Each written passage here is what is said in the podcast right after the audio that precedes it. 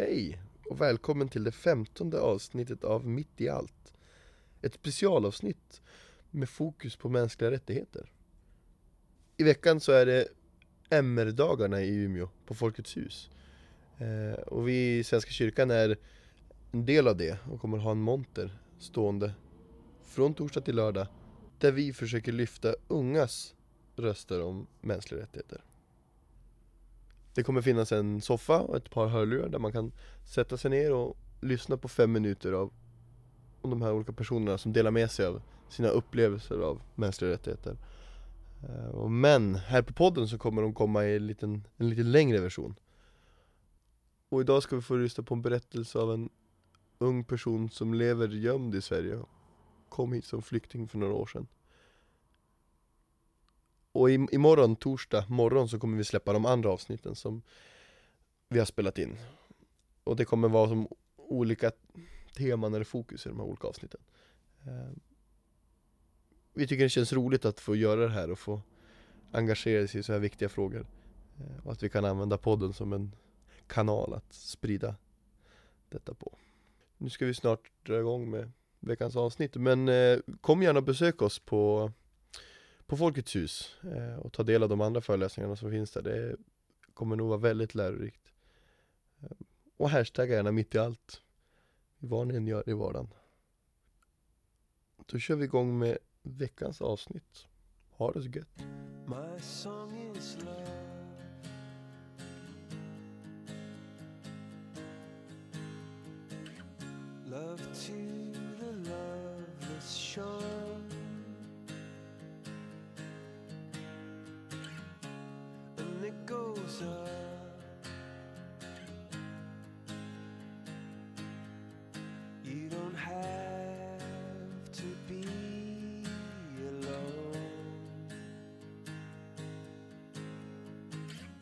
Your heavy heart.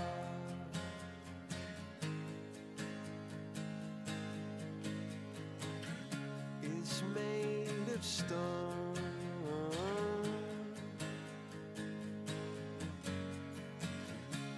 And it's so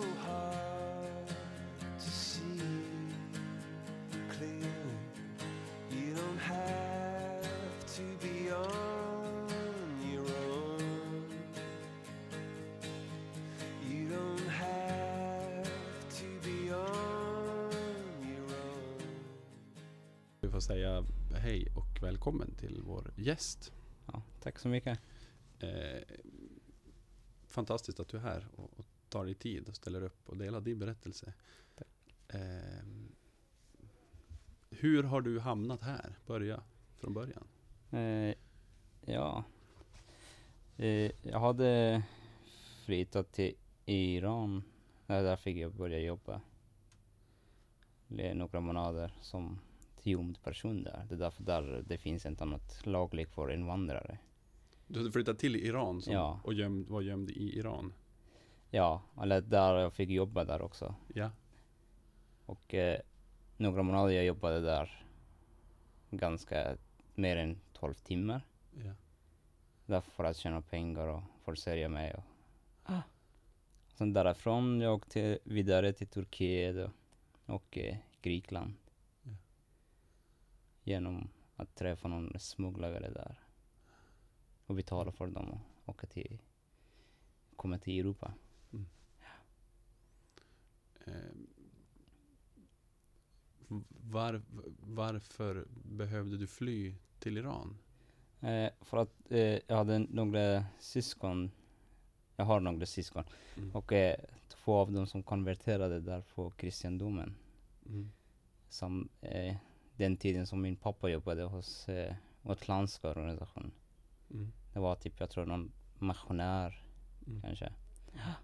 När han blev sjuk och de fick börja där jobba med gotländska familjer. Mm. Och eh, på den tiden de blev kristna. Och vi blev hotade av eh, våra släktingar och, och granar som blivit jättesnabbt spritt sig där. Och där folk, det är lite konstigt där med samhället, där med kulturen där. Om en person gör någonting och sen det tillhör hela familjen. Mm. Och eh, på den tiden när jag blev, vi blev fotade och eh, jag kunde inte träffa folk som jag kände och något släkt och, och eh, det var inte samma relation mellan eh, familjen och oss. Mm. Och sen, så jag, jag känner lite grann att det här är inte normalt, det är inte som förut när jag var liten att folk brukade komma till oss som gås och, och eh, ja, och sen till blev en händelse där att några av min mammas eh, sida, det, jag, jag tror att det var hans bror eller brorson kanske. Och det var på fredag kväll, det var en religiös bröllop hos eh, en kompis. Och eh, det skulle vara fredag på natten Mm. och lördag ska vara bröllopen.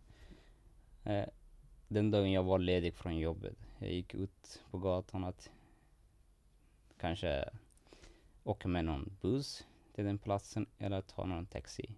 Och sen det var jätte, ganska dålig tid på den, på den kvällen. Så jag fick vänta där några minuter att det kommer ingen buss där, det kommer ingen taxi där. Bara bilar kör runt. Och sen en bil sväng på en gång framför den där platsen som jag stod. Den var också jättenära framför det där huset vi eh, bodde där.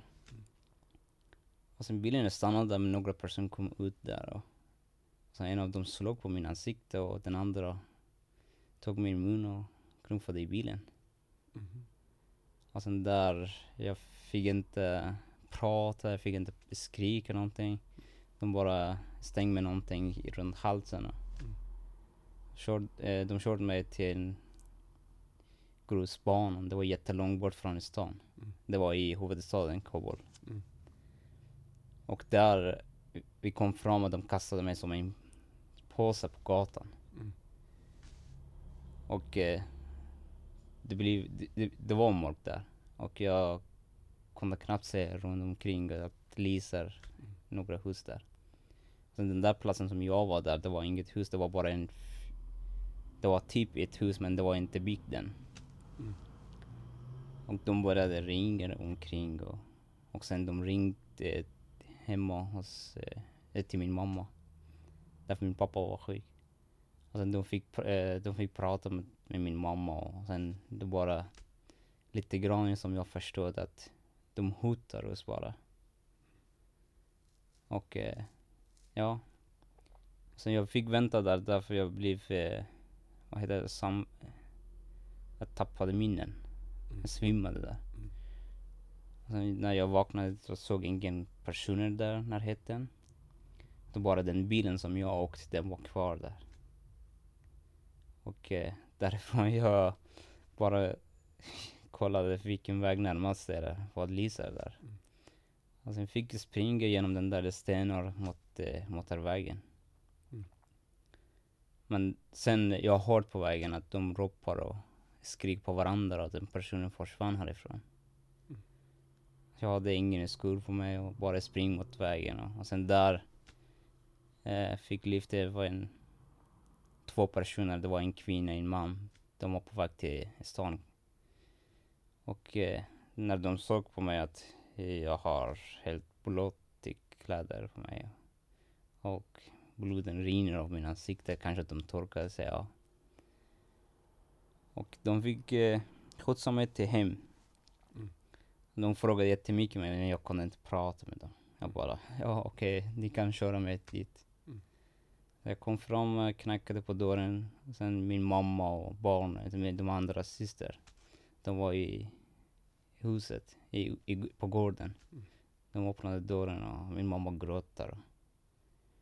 Sen jag kom hem och, ja. Sen jag frågade inte, därför jag kunde inte prata någonting. Det blev min, det- min, min tung, min, min röst blev helt stoppad där. Ja, och sen den kvällen gick över. På morgonen jag bara frågade vad, hur var den? De ringde. Min mamma sa ja, de ringde någonting. De bara sa. Det är inte förklarat för mig vad de sa. Vad de vill. Sen de sa ja, men vi, de frågar om din syster inte älskar den andra. Sen jag, jag bara visste att hon håller på att konvertera, då hon blivit kristen. Så Den där tiden, jag blev sjuk där och länge, jag blev psykiskt sjuk. Typ 24 timmar som jag var sov, mina ögon var öppen. Mm. Och eh, senare jag fick bli bättre, jag blev bättre lite grann. Så vi fick gå ut och, det var inte, det blev helt mörkt samhället för mig. Så jag, jag tänkte det här blir helt, eh, kan säga, typ katastrof eller kaos här. Och eh, ja, det blev inte normallivet där längre. Och sen vi håller på att flytta hela tiden. Efter den här händelsen vi flyttade till ett annat hus. Och sen efter den där till ett annat hus. Och, och eh, vi hade hus i en annanstans. Det var längre bort från stan, från det där området vi bodde. Och eh, min mamma och min pappa, min pappa var lite grann som kunde och förstå och förklara. Han har psykiskt sjuk. Efter talibankriget. Mm. Och min mamma sa, ja vi, eh, vi säljer huset och du kan åka till Iran bara. Bara deras mål var att jag ska åka till Iran. Och den and, inte äldre den andra. Hon flyttade innan den där händelsen, jag tror. jag. hon flyttade ut från landet. Och den andra också. Äldre än mig, yngre än henne. Och jag åkte till Iran och där fick jag jobba lite grann. Och eh, den här eh, resan till Iran var på grund av den här händelsen.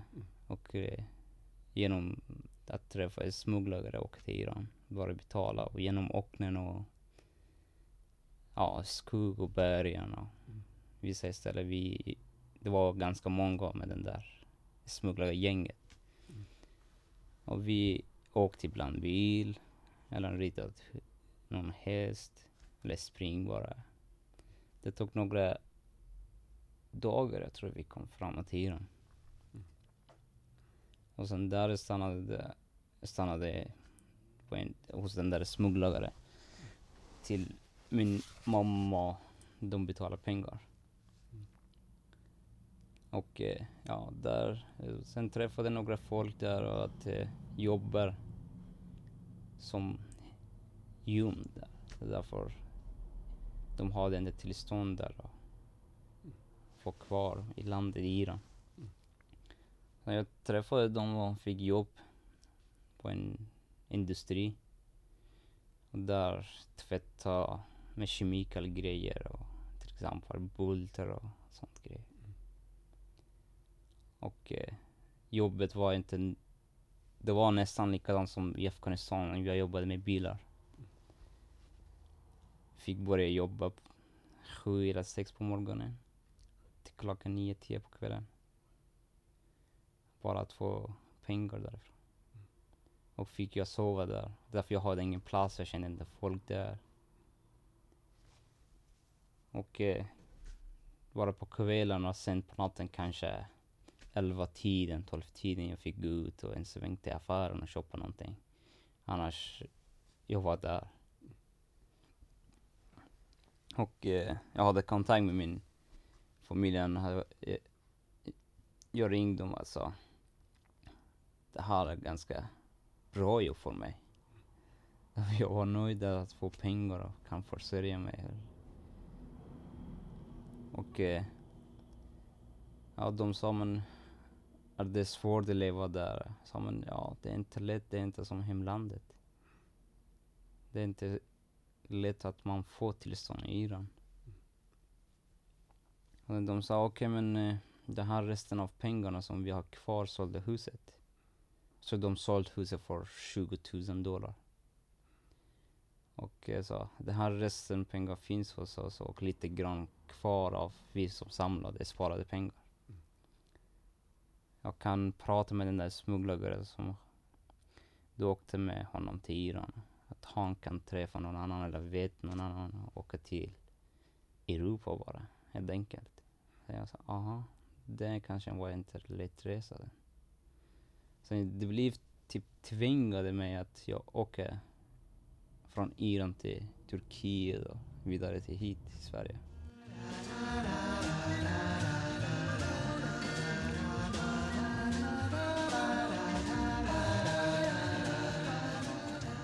efter några månader jag träffade en smugglare. Han sa det. Ja, du ska åka med mig. Jag sa bara, ja, när vi ska åka. Eh, till exempel du sa till mig, nästa vecka vi åker den tiden du ska vara på den platsen. Sen jag bara ringt hemma och de sa, ja den där smugglare, vi fixar det åt dig. Och när du är framme, vi betalar pengar. Du kan ringa därifrån. Sen jag fick åka med den här personen till Turkiet också. Promenera och gå och springa vissa ställen. Ja, för det var svårt ganska att leva där i Iran och det var, jag hade ingen framtid där. Att de, jag tycker att de valde rätt att jag kommit till Europa. Och eh, ja, jag kom till resan från Iran tog ganska lång tid för mig att komma till Istanbul, Mm. Turkiet. Och där fick eh, vänta några dagar att betala lite grann mer pengar att jag ska träffa någon annan eh, smugglare till Grekland. Och eh, ja, därifrån också, jag träffade en annan smugglare som den där personen skjutsade mig dit. Och han ringde, ja, en annan smugglare finns där och du kan prata med honom att du vill åka till Grekland. Så jag kom till Grekland med den där smugglaren genom den där, genom, vi, vi gick eh, över gränsen där. Skuggvägen och sånt. Och eh, vi kom till Grekland och ja, där vi väntade två nätter vid gränsen. Tillkommer kommer de smugg- andra smugglare som har lyxiga bil och de ska ta hand om oss och skjutsa oss till Aten. Och eh, ja, efter två dygn de kom och hämtade oss. de bara skrev på oss, skynda er och, och eh, lik som en, hur, hur jag ska säga, som man ligger på soffan eller på sängen. Mm. Ni får ligga så här att alla ska få plats där. Vi var ganska många från Pakistan och Bosnien och, nej inte Bosnien, vad sa jag? Palestinien. Mm. Och eh, jag och fyra till, vi låg eh, på bakom en Audi i bakluckan. Fem personer. Ja. Tjenare. Och eh, vi fick vatten där och han sa vi åker härifrån till Aten. Ni får inte skrika om ni någonting händer där inne. Ni får vara kvar här annars jag kommer att döda er. Okej. Ja, okej, okej. Ja, sen han körde oss eh, till Aten. Det var ganska trångt där och det var jättejobbigt att ligga där. Som vi fem personer som pressade på varandra. Och när vi kom fram i Aten, sen, eh, ja, han körde i en garage och det stängde dörren. Och sen sa till oss att vi måste tvätta oss, våra ansikte och händerna och den kläder vi har på oss måste kasta bort dem. Och bara ha någon t-shirt bra eller inte. Ska inte vi eh, se ut som en nykommande i, i Grekland. Ska se ut som vanliga personer. Och eh, ja, under den där tiden från Iran till Grekland, vi fick bara yoghurt och bröd och vatten. Hela vägen vi hade den. Mm. Som de ordnade hos oss. Mm. Mm. Och i Grekland, vi kom på, efter den här garaget, vi kom in i en lägenhet. Där var en, en annan smugglare. Alltså, han var, han var helt, Alltså, helt uh, dum person. Han hade kniv i handen och en pistol på bordet. Alltså han hela tiden som leker med den här pistolen och kniven. Han pratar på, jag tror pratade på armeniska eller någon annan språk som var inte enkelt, jag fattade. Ja, och sen vi, vi väntade där och han sa det, ni måste ringa till den personen som vill skicka pengar till oss. Om han inte skickar pengar, sen vi dödar er efter två dygn eller tre dygn så. Han hade en tolk där också. Och några som fick eh, kontakt med sina familjer att de det pengar till smugglarna, de gick ut snabbare tidigare än oss. Så jag var kvar där och två till. Den, den, den tredje dagen ja. Och på den tiden det var en kille från Pakistan tror jag. Han var skyldig för 100 euro. Han var där. Jag tror den där tolken sa till oss att han är en vecka här som måste betala pengar. Vi, Ja, okej. Och sen den där, den där personen som hade kniv och pistol, han bara hela tiden går mot honom och skriker och sparkar honom. Och han, det var helt annat värld om man tänker på det. Så man, jag, jag tänkte, det finns inte något känsla för hans mänskligheten eller hans, att förstå det här är också människa. Det är inte något i sten att du sparkar på. Ja. Och han sa det, ja men du ser den där personen. Om din pengar kommer lite senare, det blir samma sak som det och den andra personen som var där. Och jag, jag fick kontakt med smugglaren som från Iran. Jag tror det, det var länge sedan, jag kommer inte ihåg. Men det var en smugglare som först jag ringde. Ja, nu jagar fram och ni måste betala pengar. Och eh, han betalade pengar men den andra personen ska, måste ringa till den här personen. Att, ja, Mm. han, hans pengar är klara nu. Ni kan släppa honom. Ja, det blev lite sen där. Sen den tredje dagen på kvällen, en annan person kom dit och ja, du är klar. Kom följ med, vi går till stan. Till Aten. Där eh, det finns folk och du kan träffa dem och du kan betala hyra och bo hos dem. Och det finns jättemycket eh, dina, till exempel, dina afghaner här. Mm. Jag sa okej. Sen han var framför mig och ungefär vi hade avstånd av varandra 10 meter. Ja. Han sa till mig när jag går framför dig, du ska inte fråga mig någonting, du bara kommer utanför. Okej, och sen jag följde honom till en annan plats och vid tågstationen och så var där. Och där kom en kille. Han pratade persiska, jag fattade inte. Ja, men det var inte viktigt för mig. Var kommer ifrån han? Han bara pratade persiska. Och eh, där jag fick träffa honom och följde honom till en, ett lägenhet, en lägenhet där. Och eh, första kvällen, de sa du får vara här den kvällen. Vi bjuder dig för hyran och för mat ikväll. Tills du får pengar. Jag hade ingen pengar. Och det var ganska, ja det var jättekonstigt för mig att till exempel en dollar, det, man kan inte göra någonting med en dollar. Nej. Alltså, ja, den, ja, jag hade ingen pengar kvar där. Och sen när jag fick vara den där lägenheten tills jag fick träffa en annan smugglare vidare till Italien. Mhm. Ja, och eh, jag var den, den här tiden som jag var i Grekland hos den personen. Vi betalade hyra, fem euro jag tror per natt. Mm. Och mat var att vi shoppade tillsammans och åt tillsammans. Ja.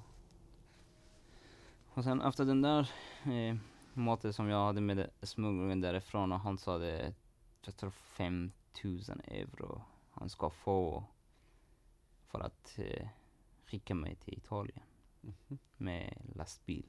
Mm. Han sa du måste lämna pengar här eller någon annanstans så som jag säger bara.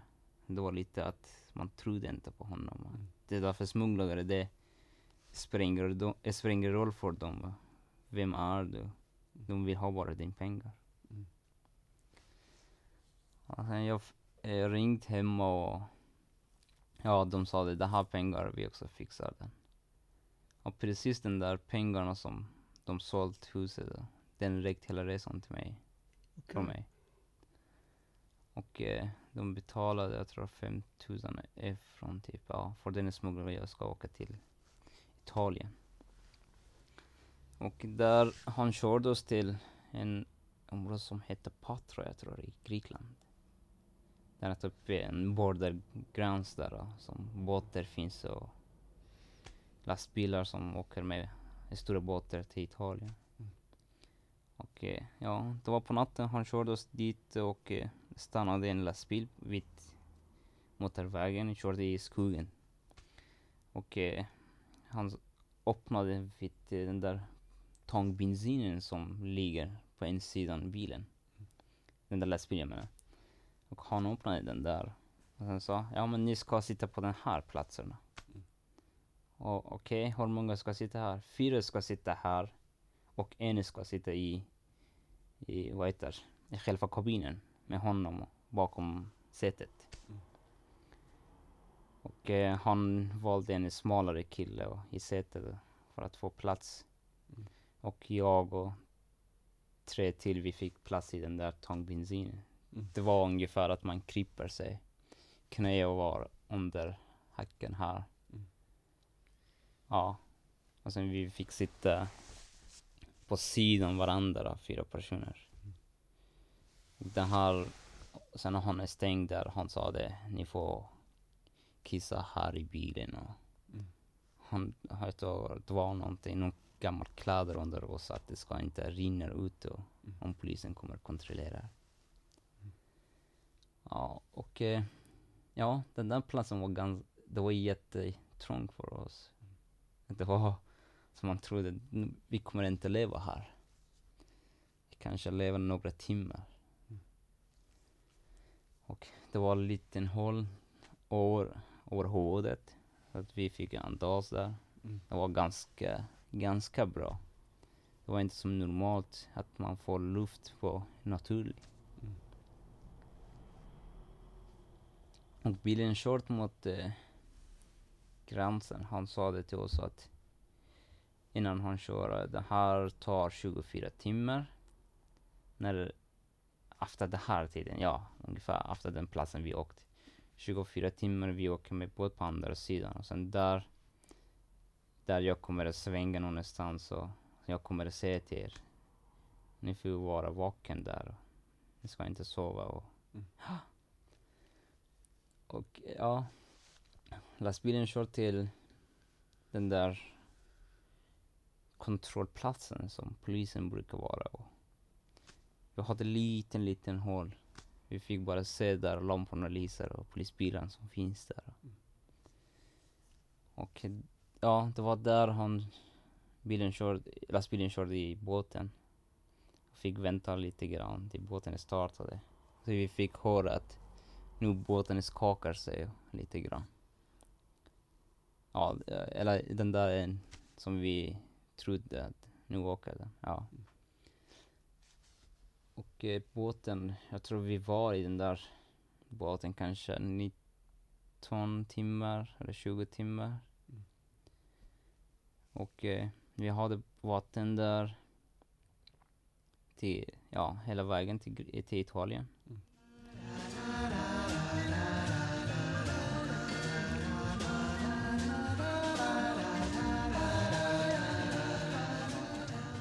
När vi kom fram där, vi kunde inte komma ut från den där tanken.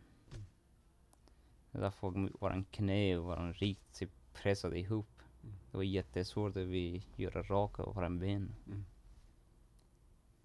Och där han bara släppt oss och lämnat telefon. Först eh, gav oss telefon att vi måste ringa. Det är den smugglare som han måste få pengar och han släpper oss här. Och vi fick prata, ja vi är framme bara. Så här snabbt. Mm. Och lastbilen körde vidare. Vi hamnade i skogen bara. Han bara sa det här vägen går till Bari, jag tror någonstans som heter Bari i Italien. Mm. Och den andra vägen man kör, jag vet inte, ja, han sa bara massa grejer. Som en, enda enda ord att vi kommer förstå den. Mm. Och ja, vi är fyra och, och den killen som var i sätet, han jag tror... Nej, han, han var inte där med oss. Vi var kvar bara fyra. Han var kvar i, bil, i lastbilen. Så han skulle träffa någon person på vägen eller köra vidare till eh, längre bort någonstans. Och ja, vi fyra väntade där och det var ganska jätte... De, de, de säger att det blir lite fuktigt på nätterna. Och eh, vi, vi fick vila lite grann på gräset. Våran kläder var helt blå, så därför vi helt eh, kissade på oss. Och, och de två, vi blev två grupper där. Jag och en kille, vi ska ta en vägen och den killen och andra, fjärde killen, de ska ta en annan väg. Men vi, våra mål var, ska vi åka till room. Och vi, vi kollade runt och sen vi fick bara välja. Det finns den här motorvägen och den här är skogen som man ser här. Det var en pump bensin och tror det var jättelångt bort. Vi fick bara se där som lyser, ljuset lyser där. Det, det kan vara möjligheten det tog station, vi visste inte. Den där två killarna, de gick genom skogen och ja, de gick genom skogen till, jag vet inte vart. Och jag och den andra killen som var kvar, vi fick följa den här motorvägen hela vägen till Borg tågstation.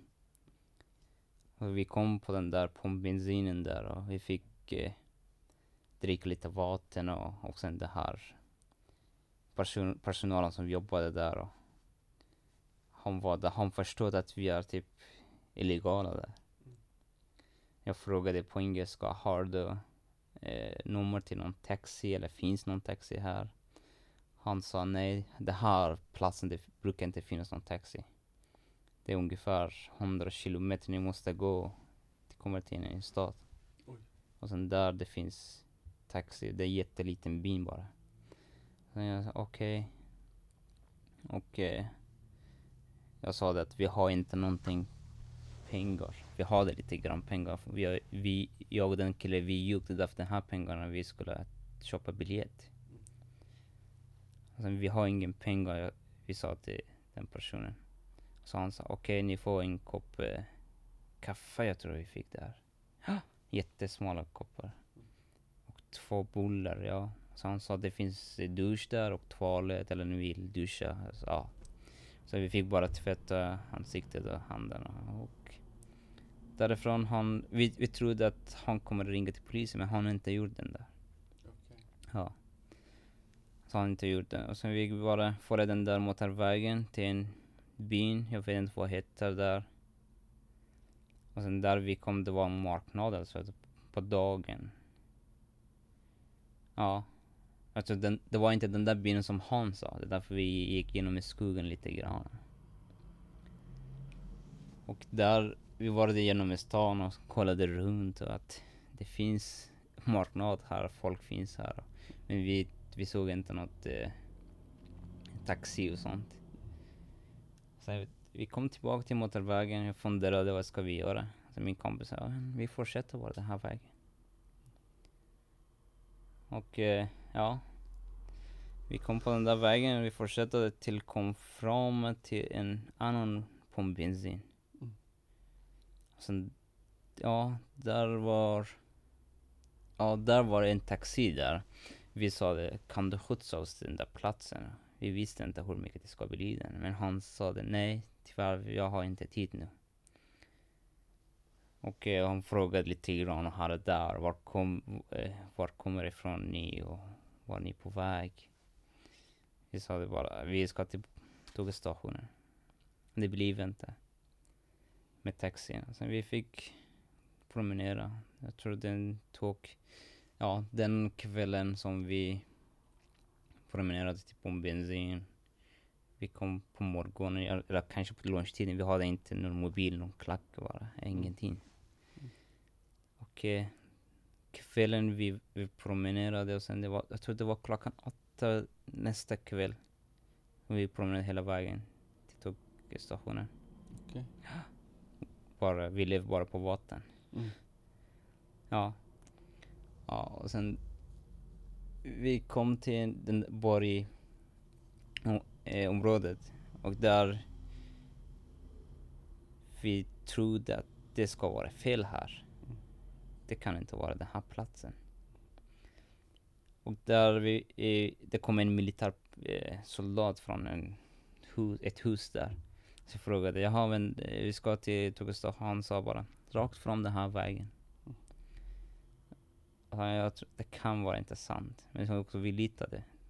Eller vi bara gissade att ja, vi får den här vägen. Vi kom fram till Tokyo station i Borg och sen där vi inte köpt biljett. Vi väntade lite grann i den Tokyo stationen. Det blev sent. Det kan vara typ 11 tiden på kvällen eller så sent var det. Mm. Och eh, där kom tåget, tåget stannade där och sen vi fick kliva upp på den i tåget. Ja, och sen kontrollanten kom dit och sa massa grejer, men han pratade inte på engelska som jag kunde förstå. det. Sen, jag hade, jag tror några, jag- kanske 30 eller 40 euro jag hade. Mm. Och sen den andra killen också samma, ungefär 50 ja. Jag bara visade att det här pengar finns. Och så har han också visat. Han bara skrev på en biljett och gav oss. Och den 40 euro som, ja det blir 40 euro jag tror för båda oss. Till rum. Och eh, ja. Vi kom fram i rum efter lång resa jag tror det var. Ja, jag tror det var långt. Jag kommer inte ihåg exakt den här bilden nu. Och eh, när vi kom fram, det var nästan natt jag tror. Ja, det var nästan, nästan natten. Mm. Ja, det kan väl typ första, andra, ja tredje natten vi kom fram i, i rum. Mm. Och där, vi kom ut i den där termini, av den här tågstationen vi kom ut, den heter termini jag tror. Och jag såg där att folk sover vid den där tågstationen på kartonger och på, Mm. ja lite grann bara. Det är inte bara utländska, det är massa folk som ser ut som europeiska. Den här killen visste att vi, vart vi ska gå och sova. Och eh, vi åkte med bussen direkt därifrån. Tog bussen till en plats, Paramedo jag tror det heter. Mhm. Där brukar folk sova jättemycket under en bron och det finns en tågstation där. Vi åkte många gånger med den här bussen och kom till Termini och åkte dit. Och sen vi fattade inte, var är den här? Mm. När vi kom till Termini, alltså det var kanske fjärde varven femte varven vi var i bussen. Och busschauffören ropade på oss. Han sa på italienska, jag fattade inte. Han sa det med fingrar. Ni är kvar här så här mycket. Mm. Ja, men vi ska där och så han sa det, det är där borta. När jag bussen stannade på sista platsen så har väntat några minuter. Där är sista bussplatserna som jag svänger tillbaka. Okej, vi sa du ska inte köra tillbaka. Han sa nej, nu tiden är jättesent. Till klockan fem på morgonen, det går inte någon annan buss. Och vi fick vänta där i Termini framför den där tågstationen. Tågstationen var stängd. Mm. Och eh, ja, det var en, några kartonger var kvar där. Och det var, ja, det var väldigt kallt den kvällen. Blåste också mycket. Och sen jag och min kompis, den där, min kompis, ja, den killen, vi blev kompis i vägen. Vi, eh, jag, och- jag och han pratade lite grann. Vad vi ska göra, vi ska promenera eller sova här. Så vi kan sova här. Ja, vi sov där till blev på morgonen. Och det kom några folk där och gå in där. Det var, det var afghanska smugglare där. Mm. Det var inte riktiga smugglare, de som säljer folk till annan person. Mm. att få lite grann pengar igen. Mm. Och han sa det, ja men ni, om ni vill sova, ni får åka den här bussen dit och sen det finns platser, ni kan sova där.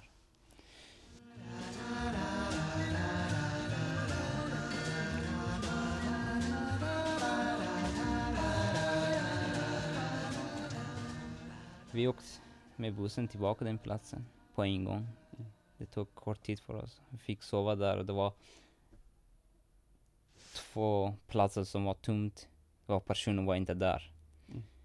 Vi fick sova där några timmar. Och sen den här personen kom igen tillbaka till oss och vaknade och sa ja, vad vill ni göra? Vill ni träffa någon smugglare eller vill ni själv åka? Jag kan köpa biljett åt er och så här blir det, så här blir det. Alltså, okej. Och eh, vi kom tillbaka till Terminio och eh, träffade en annan smugglare, fick vänta där några dagar. Hos honom och han bara ger mig pengar och dricka vatten. Det blir så här mycket. Tvätta ansikte, han bara räknar pengar. Och eh, det är sån här, det är, på den här sättet det går inte jag att vara här. Mm. Det är bättre jag går i stan och polisen kommer att gripa mig. Han sa det, ja, det, ni får bestämma själv. Och där eh, han kontaktade några personer som var, de var smugglare från Italien till i Sverige, eller efter Italien, de hade ansvar för den där. Deras eh, jobb var att skjutsa folk den här vägen, eller smuggla folk. Och där, eh, jag vet inte, jag kommer inte ihåg exakt, det var inte så mycket pengar. Jag tror de fick ett tusen kanske. Från Italien till eh, Danmark eller Tyskland. Mm. Och sen han bara sa den här vägen vi skjutsar. Och ja, vi kom, eh, vi träffade, jag träffade två arabkillar. Mm. De hade Audi, lyxbil typ. Mm. Och vi åkte en, två, tre, fyra personer med den här bilen. Jag och den där killen. Och två till som vi inte träffade i vägen. Och vi åkte med den här bilen till, jag vet inte, Österrike eller Frankrike först. Mm. Han, de inte pratade med oss, de bara kör vidare och Ja, och i Jag kan säga att det kan vara Jag gissar att det kan vara Kunde vara, vad heter Frankrike där Mm. Och därifrån vi fick eh, åka en annan bil till eh, Tyskland Och eh, ja vi såg att bilen kör genom den här gränsen som poliskontrollen finns där och Det var ganska lugnt där att vi blev inte stoppade av någon Mm. i vägen. Och eh, ja, och en grej var att de hade två bilar. Den här, den här bilen som vi åkte, en bil framför honom. Mm. Han hade typ hela tiden kontakt med mobilerna. att kolla vägen. Och eh, vi kom, jag tror, fram i Tyskland. Och eh, jag hade inte valt var det ska hamna. Och där han eh, tog, ja, han, eh, han sa det, jag ska kolla tåg här och att ni ska åka tåg Danmark, Norge eller Finland eller Sverige. Ni får själva åka på den där tåget. Mm. Jag tror han köpte biljetter åt oss och Nej. Han, eh, han visade oss tåget och sen vi klev i den tåget. Det var en annan person i tåget. Som han var smugglare också. Mm. Och eh, vi åkte med den där tåget till Danmark. Jag tror det var en, en, en plats som var tåget gick igenom en båt. Som båten ska åka på andra sidan. Mm. Och vidare. Ja, och den där killen som var, vi blev kompisar, han skulle till Norge. Och vi kom, ja. Så vi kom i Malmö och sen i Malmö jag såg inte den där smugglaren som var i tåget. Mhm. Han var typ, han inte pratat med oss. Vi visste att därför han, vi såg att han pratade tekniskt språk med varandra innan vi åker den där tåget från Tyskland. Och eh, ja, där jag såg inte den där personen. Och jag klev upp i Malmö. klivit, ja. I, Malmö stationen. Och sen den killen som var kvar där. Eller, nej, jag vet inte faktiskt. Den jag kommer inte ihåg exakt. Och eh, ja. Jag kom ut från tåget i Malmö station och sen träffade två poliser där. Och jag, jag var, ja jag trodde att det här poliser kan vara som Grekland poliser. Lite konstiga och inte snälla. Mm. Men det var inte så. Jag gick rakt till dem och så jag sa det. Hej, jag kom precis nu från Italien. Och jag har ingen pass, jag har ingen ID, jag har, ja jag är typ eh, flykting här. Och eh, de två pratade med varandra och sen skrev en lapp till mig att ta den här bussen och det finns Migrationsverket på den här området. Det var ett Rosengård, det var den. Mm. Och jag gick ut och, och sen kollade, jag hade ingen pengar på mig där. Så jag, jag gick till den där busschauffören. Jag visade den här lappen, jag ska ha den här platsen. Kan du, får jag åka med den här bussen? Han sa det, det blir jag tror 25 kronor eller 20 kronor. Typ så. Så jag hade ingenting. Han sa nej, du, får inte åka med det. Mm. Jag fick vänta där ute. Och det var, ja det var vinter den tiden. 2010. 2010, december, det kan vara 25 eller 26 december var.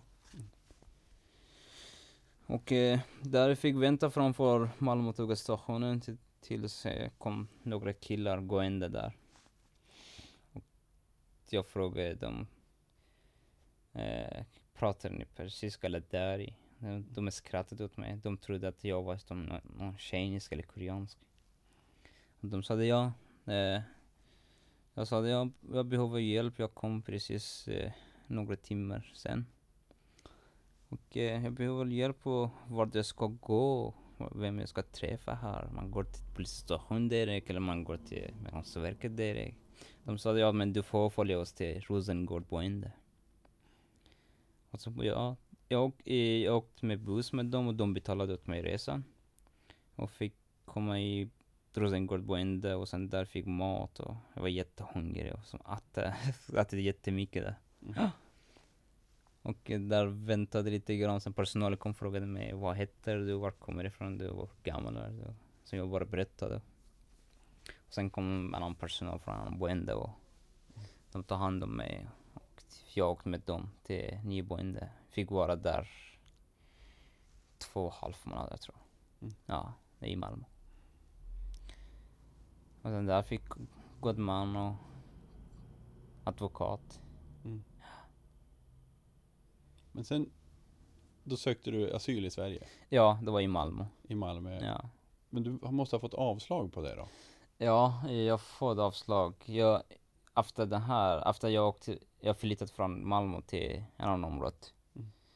I Västmanland. Och där, jag fick efter ett år advokat. Mm. Och efter fem, sex månader, jag fick god man där. Och den där byn som jag var där, det var inte så mycket folk, det var inte så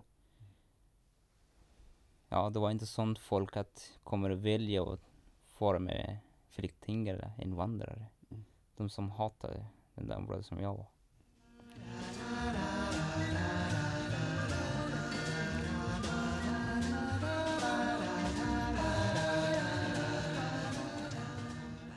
Och idag i Umeå så pluggar du och jobbar. Eh, ja, Just det. pluggar och jobbar. Eh, hur ser din kontakt ut med din familj idag? Jag har faktiskt inte kontakt nu med min familj. Alls? Eh, kanske alls nästan. Mm. För att jag har inte deras nummer längre. Okej. Och jag och mina två systrar, vi är inte bra med varandra okej. heller. Men du vet att de lever? Ja, det vet jag att de lever. Ja. Ja. Det är bra. Och eh, ja. Och idag, det, ja, jag säger rakt på sak att vi hatar varandra, jag och mina systrar. Förstår. Att, eh, ja, det var lång berättelse. Det här var ett, eller den här tiden som vi levde tillsammans i ett hus. Det var bästa saker var av dem och dåliga saker var av mig. Så här. Att det här som mina föräldrar bestämt, eller min pappa bestämde den tiden som han var bra. Mm. Och de var flickor, jag var pojke, äldsta pojke i familjen och mellanbarn för dem. Mm. Jag är fjärde barnen och tre som också yngre finns. Mm. Ja. Och de, ja, de, ja, jag tycker att den var, ja, den var inte rättvis mot mig själv att eh, min, mina föräldrar att de bestämt, de fick plugga eller kanske det var det, de hade chans, fick plugga med utlänningarna och komma fram någonstans och eh, samtidigt att de också gör ett stort problem för familjen där. Mm.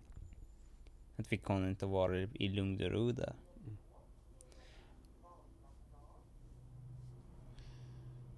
Hur ser framtiden ut? Ko- Kommer du att få uppehållstillstånd i Sverige? Framtiden, det vet jag inte faktiskt. Det är bara 50-50. Enda grej jag kan göra är skriva en verkställighet. En grej först. Och andra grejen är att jag måste skriva jättetydligt att jag vill komma till Migrationsverket. Jag Mm. vill inte vara längre gömd. Mm. Att, eh, och jag vill till exempel vissa grejer som funkade inte bra på den tiden. Mm.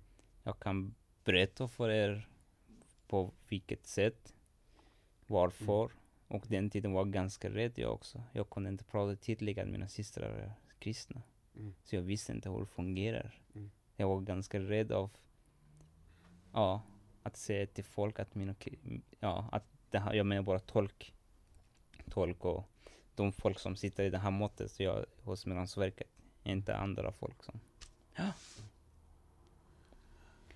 Sista fråga. Eh, Mm. Om du skulle eh, ge det till känna om man skulle verkställa utvisningsbeslutet och du skulle bli hemskickad. Vad skulle hända då? Det är bara, hur kan säga, det är dödsstraff där. Det är bara att man tänker på döden. Det är enda grejen man kan göra. Du, det är dödsstraff om du kommer tillbaka. Ja, det är därför där i landet det är inte tillåtet att vara kristen. Ja, det är ju inte okej. Det är också i, i lagen, Mm. riksdagslagen, ja det står den andra paragrafen. Efter islams religion, det gäller inte andra religioner. Mm.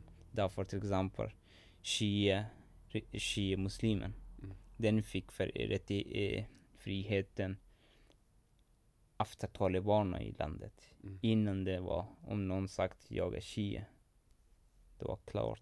Du får inte vara, du får inte leva längre.